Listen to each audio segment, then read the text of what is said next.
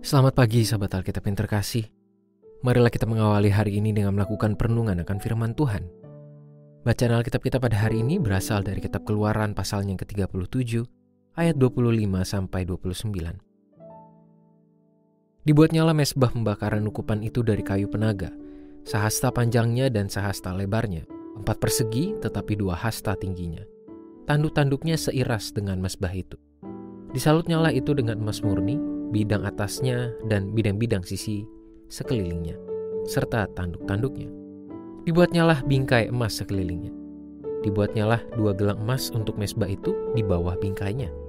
Pada kedua rusuknya, pada kedua bidang sisinya, sebagai tempat memasukkan kayu pengusung, supaya dengan itu mesbah dapat diangkut. Dan dibuatnyalah kayu pengusung itu dari kayu penaga dan disalutnya dengan emas. Dan dibuatnyalah minyak urapan yang kudus itu dan ukupan murni dari wangi-wangian, seperti buatan seorang tukang campur rempah-rempah.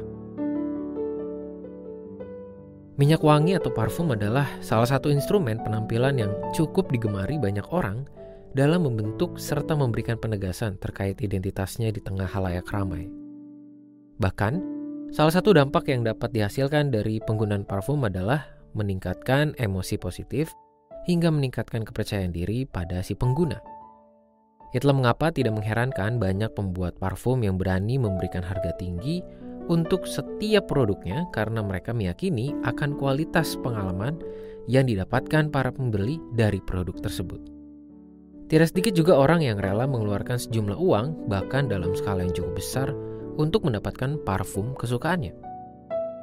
Kehadiran meja pembakaran ukupan dan minyak urapan dalam ritus bangsa Israel pun memiliki peranan yang cukup signifikan.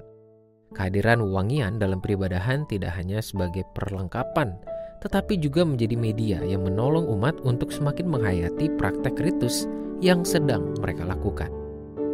Secara simbolis, wewangian juga menjadi suara atau sapaan dari umat untuk menyenangkan Tuhan.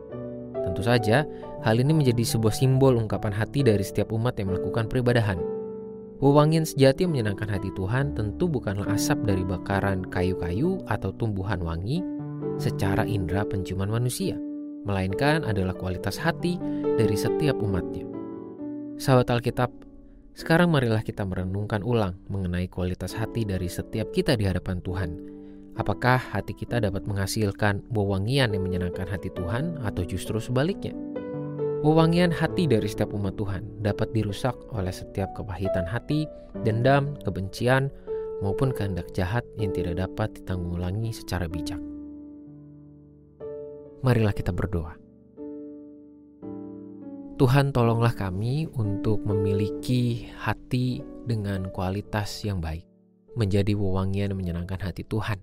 Biarlah itu semua boleh mewujud dan dibuktikan pada setiap sikap hidup dan tindakan kami dalam menjalani keseharian. Hanya di dalam nama Tuhan Yesus kami berdoa dan mohon. Amin.